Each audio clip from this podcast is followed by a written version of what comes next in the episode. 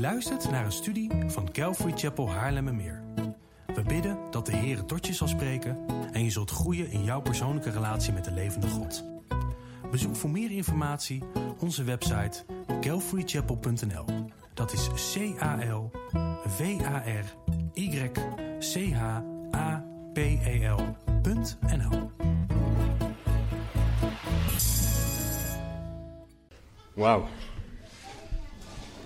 Zo, zo goed, zo groot is onze God dus. Dat is de Jezus die we, waar we over gehoord hebben, die baby. En die baby heeft dus Simone aangeraakt, die heeft zoveel hier al aangeraakt. Dat, dat is niet normaal. Daar kunnen we alleen maar dankbaar voor zijn. We kunnen alleen maar God de eer geven en blij zijn dat Hij dit allemaal doet. Ik wil het nog kort met jullie hebben en ik zal het proberen echt heel kort te houden. Uh, maar over wat dit nou allemaal betekent. Want we hebben vanochtend gezien dat God al heel lang van tevoren aankondigde dat er iemand zou komen. Die iemand die Simone ook heeft leren kennen, die haar rust en vrede en alles geeft dat ze nodig heeft. We hebben gezien dat dat kind de wonderbare raadsman is. Dat dat de sterke God, de eeuwige vader, de vredevorst is. En Eva, hoe heet dat kindje ook weer die geboren is met kerst? Die. En zoals al gezegd, Jesaja leefde meer dan 600 jaar voordat Jezus geboren werd. Dus al die jaren van tevoren, zoals ook voorgelezen uit de profetieën door de kinderen, werd er al door God aangegeven dat er iemand zou komen die nodig was. Er werd aangekondigd dat er iemand zou komen die zo bijzonder was. En dan lezen we in Lucas 2, vers 1 tot en met 7 de uitkomst van die profetie. En het geschiedde in die dagen dat er een gebod uitging van keizer Augustus, dat heel de wereld ingeschreven moest worden. Deze eerste inschrijving vond plaats toen Sirenius over Syrië stadhouder was. En ze gingen allen op weg om ingeschreven te worden, ieder naar zijn eigen stad. Ook Jozef ging op weg van Galilea uit de stad Nazareth naar Judea, naar de stad van David, die Bethlehem heet. Omdat hij uit het huis en het geslacht van David was. Om ingeschreven te worden met Maria, zijn ondertrouwde vrouw, die zwanger was. En het geschiedde toen zij daar waren dat de dagen vervuld waren dat zij baren zou. En zij baarde haar eerstgeboren zoon, wikkelde hem in doeken en legde hem in de kribbe, omdat er voor hen geen plaats was in de herberg. Jezus kwam, dat kindje, die Immanuel, God met ons, kwam. De wonderbare raadsman. Maar hij kwam niet in een paleis, hij kwam niet in een ziekenhuis, wat misschien wel medisch gezien verstandig was. Hij kwam niet geboren in een gouden bedje met, uh, met zijden dekens. Nee, hij werd geboren. En wij denken altijd met z'n allen in een stal, maar stallen zoals wij die nu kennen, met mooie deuren en dat soort dingen, bestonden in die tijd niet. Jezus werd geboren buiten. Waarschijnlijk onder een overkapping in een vieze, stinkende voerbak. Dat is waar de God, de schepper van hemel en aarde, geboren werd. Hij had het anders kunnen kiezen, maar hij koos ervoor om zo geboren te worden. Jezus werd publiekelijk geboren. De een zegt in een grot, de ander in zo'n open plek. Maar het komt erop neer, het was niet in een huis, lekker warm, afgesloten. Een plek waar je als vrouw graag zou willen bevallen. Nee, Maria ging bevallen op een plek waar je dat niet zou willen. En dat is hoe Jezus kwam. Dit is niet wat je verwacht bij de eeuwige Vader en de vredevorst. Maar dit is hoe God zelf ter wereld kwam. Dit is wat Jezus deed voor iedereen die in Hem gelooft. Voor iedereen die nog niet in Hem gelooft. Voor iedereen die in Hem kan geloven, en dat is ieder mens. Nou weten we dat elk kind bijzonder is. Elk kind is een wonder. Maar Jezus was om een hele andere reden bijzonder dan de meeste kinderen. Lucas 2, vers 8 tot en met 12. Er waren herders in diezelfde streek die zich ophielden in het open veld en s'nachts de wacht hielden over hun kudde. En zie, een engel van de Heere stond bij hen en de heerlijkheid van de Heere omscheen hen. En zij werden zeer bevreesd. En de engel zei tegen hen, wees niet bevreesd, want zie, ik verkondig u grote blijdschap die voor heel het volk wezen zal, namelijk dat heden voor u geboren is de zaligmaker in de stad van David. Hij is de Christus de Heer en dit zal voor u het teken zijn. U zult het kindje vinden in doeken gewikkeld en liggend in de kribbe. Wij sturen geboortekaartjes tegenwoordig. God stuurde een geboorteengel. En die geboorteengel die nam vrienden mee. Want nadat hij aangekondigd had, dit is de boodschap, staat er dat er een hemelsleger kwam in vers 13 om te zingen. Nou, deze herders, dat waren over het algemeen mannen die niet heel snel bang waren. Maar er was één engel en die had één taak en dat was de geboorteengel. Dus dan, ik zie zo voor me dan zo'n heel schattig, dik, klein engeltje die zo dan aan het vliegen is. Maar het maakt niet uit of die er zo uitzag of niet. niet hoor ik nu van de voorganger. Neem van mij aan dat het dus geen eh, plaatje was zoals je die eh, in alle boekjes ziet. Maar er kwam dus een engel en die was gigantisch indrukwekkend. Ze werden zeer bevreesd, deze, deze herders. En alsof het niet genoeg was om die ene geboorteengel te, te zien, kwam er een complete legermacht van engelen. En het enige wat zij kwamen doen was God aanbidden, omdat Jezus geboren was. Jezus' geboorte was reden genoeg voor aanbidding. Reden genoeg voor engelen om uit de hemelse glorie naar de aarde te komen en tegen herders te zeggen hoe groot God is. En waarom was dat nou zo? Nou, omdat er in vers 10 en 11 staat: Wees niet bevreesd, want zie, ik verkondig u grote blijdschap die voor heel het volk wezen zal, namelijk dat voor u geboren is de zaligmaker. Sorry, mijn dochter is het ergens niet mee eens. God stuurde iemand die blijdschap voor velen zou brengen, namelijk de redder. Sorry, als je kind huilt, dan is het lastig om door te praten. Um, wat, wat betekent dit nou? Jezus kwam als de redder. Hij kwam om mensen te redden en God wist dat wij dat nodig hadden.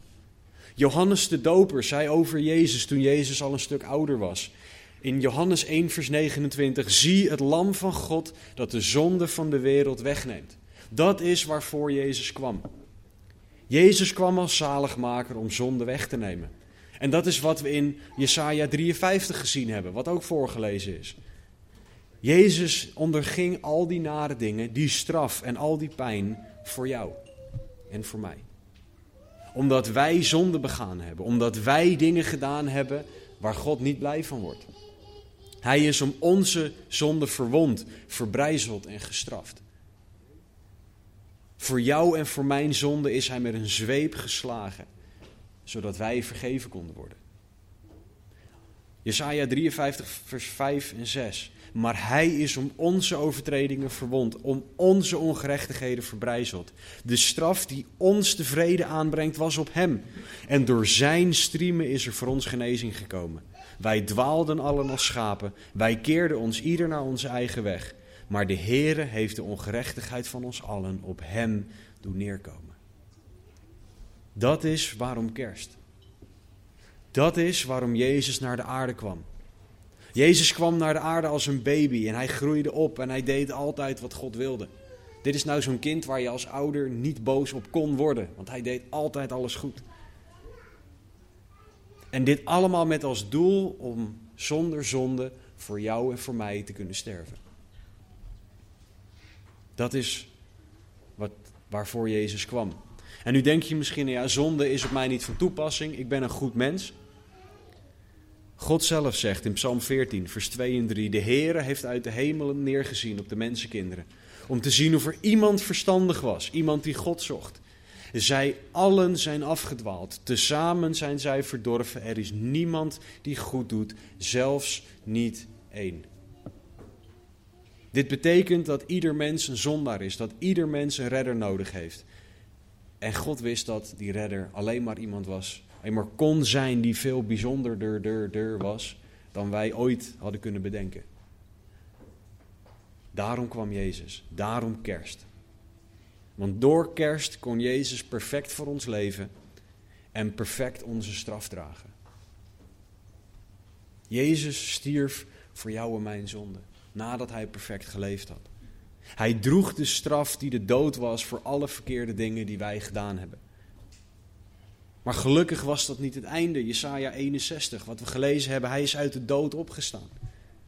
Lucas 24, vers 5 tot en met 7 zegt: Waarom zoekt u de levende bij de doden? Hij is hier niet, die hij is Jezus. Hij is opgewekt. Herinner u hoe hij tot u gesproken heeft toen hij nog in Galilea was. De zoon des mensen moet overgeleverd worden in de handen van zondige mensen en gekruisigd worden en op de derde dag opstaan. Jezus is weer opgestaan uit de dood. Hij kwam niet alleen als een baby, want dat zou leuk geweest zijn maar niet genoeg. Hij leefde niet alleen perfect, dat was niet genoeg. Hij stierf niet alleen voor onze zonde, want zelfs dat was niet genoeg. Hij stond weer op uit de dood. En daardoor heeft hij nu de dood overwonnen en kunnen wij eeuwig bij God leven. Sommige mensen zeggen, daar breekt mijn klomp van, hier breekt een stuk glas van. Mijn dochter die vond het goed om nu even een potje te laten vallen. Zelfs zij stond versteld van het feit dat Jezus opgestaan is uit de dood voor ons. Zo groot is dit wonder. Het is onwaarschijnlijk groot wat Jezus gedaan heeft. Daarom zegt Petrus in 1 Petrus 1 vers 3: Geprezen zij de God en Vader van onze Heer Jezus Christus, die ons overeenkomstig zijn grote barmhartigheid opnieuw geboren deed worden tot een levende hoop door de opstanding van Jezus Christus uit de doden. Dus door Jezus leven, door Jezus dood en Jezus opstanding, heeft ieder mens de mogelijkheid gekregen om eeuwig met God te leven. En God is zo lief en zo genadig dat Hij ons probleem zag en ons de oplossing gaf in Jezus. Die kleine baby, geboren in die stinkende voerbak, buiten, in onhygiënische omstandigheden, is de oplossing voor jouw diepste probleem. Dat is het probleem van zonde die tussen jou en God instaat. Jezus kwam naar de aarde voor jou. En het is aan jou om wel of niet te geloven met de gevolgen die daarbij horen. Geloof betekent eeuwig leven. Geloof betekent de rust waar Simone over gesproken heeft. Waar zij van getuigd heeft. Betekent die vrede in je hart die alle verstand te boven gaat. Niet geloven betekent dat jij zelf voor God komt te staan en dat God jouw daden langs zijn lat van perfectie gaat leggen. En alles wat minder is dan dat, moet gestraft worden. Als jij gelooft, heeft Jezus die straf voor jou al gedragen. Als jij niet gelooft, wil jij zelf jouw eigen daden langs die lat leggen bij God. En heb, mag je daar de eeuwige gevolgen van dragen. God biedt vandaag jou de beste deal aan die er ooit geweest is. Jouw zonde inruilen voor zijn perfectie. Jouw dood inruilen voor zijn eeuwige leven. En door deze deal aan te nemen, door in Jezus te geloven, kan je vergeven worden van al je zonden. Van alle schuldgevoelens, van alles wat de zonde meebrengt. De vraag is, neem jij deze deal aan? Maar christen, jij die al gelooft, jij die deze deal al geaccepteerd hebt. Zet deze deal aan, dit wonder, zet kerst jou aan tot het delen van het evangelie met mensen. Of doet kerst jou niks meer? Doet de geboorte van Jezus Christus jou nog wat? Of laat je het maar voorbij gaan? Want ja, ik hoor het toch elk jaar. Ben jij nog onder de indruk, christen, van wat Jezus gedaan heeft door naar de aarde te komen? Als niet, vraag God dan om je ogen weer te openen voor het wonder van Jezus' komst naar de aarde. Want dat is en blijft een wonder. De engel zei, Lucas 2, vers 10 en 11, Wees niet bevreesd, want zie, ik verkondig u grote blijdschap. Dat is de blijdschap die wij mogen hebben als christenen.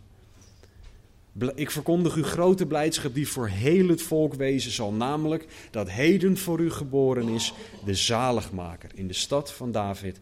Hij is Christus, de Heer. Dat is Jezus. Dat is waarom kerst. Dat is in wie jij mag geloven. Dat is de weg. Hij is de weg naar eeuwig leven. Laten we bidden. Heer Jezus, dank u wel. Dank u wel dat u hemelse glorie hebt afgelegd. Om geboren te worden in een stinkende voerbak. Dank u wel, Heer Jezus, dat u vanuit de hemel naar de aarde gekomen bent. Om geboren te worden als een babytje. Heer, u bent van alle aanbidding in de hemelse gewesten gegaan naar een babytje. die pijn kon ervaren. Die gevallen is en zijn knieën heeft opengehaald. De baby die opgroeide tot een man die uitgekotst is door de mensen. En dat u dat allemaal deed voor ons, Heer. We kunnen u nooit genoeg loven en prijzen. En Heer, ik bid dat u vandaag op dit moment iedereen zal laten zien hoeveel u van hen houdt. Laat iedereen zien hoe groot uw genade, hoe groot uw liefde is. Want Heer, iedereen die nog niet in u gelooft, Heer, die moet deze deal aannemen. Heer, niet omdat we ze kunnen dwingen, maar omdat dit over redding gaat. Dus Heer, doe een wonder in iedereen die u nog niet kent, Heer, en breng ze tot geloof, van jong tot oud. Maar Heer, ook iedereen die dit al weet en die misschien denkt, weer een kerstdienst. Heer, overtuig hen alstublieft opnieuw van deze grote blijdschap, van dit wonder. Zodat we uw woord zullen delen met mensen. We zullen getuigen van u in alles wat we doen. Dus Heer, doe uw wil, toon ons uzelf en breng ons opnieuw bij Jezus. Heer, we, we verdienen het niet, maar we vragen het toch. In Jezus' naam bidden we. Amén.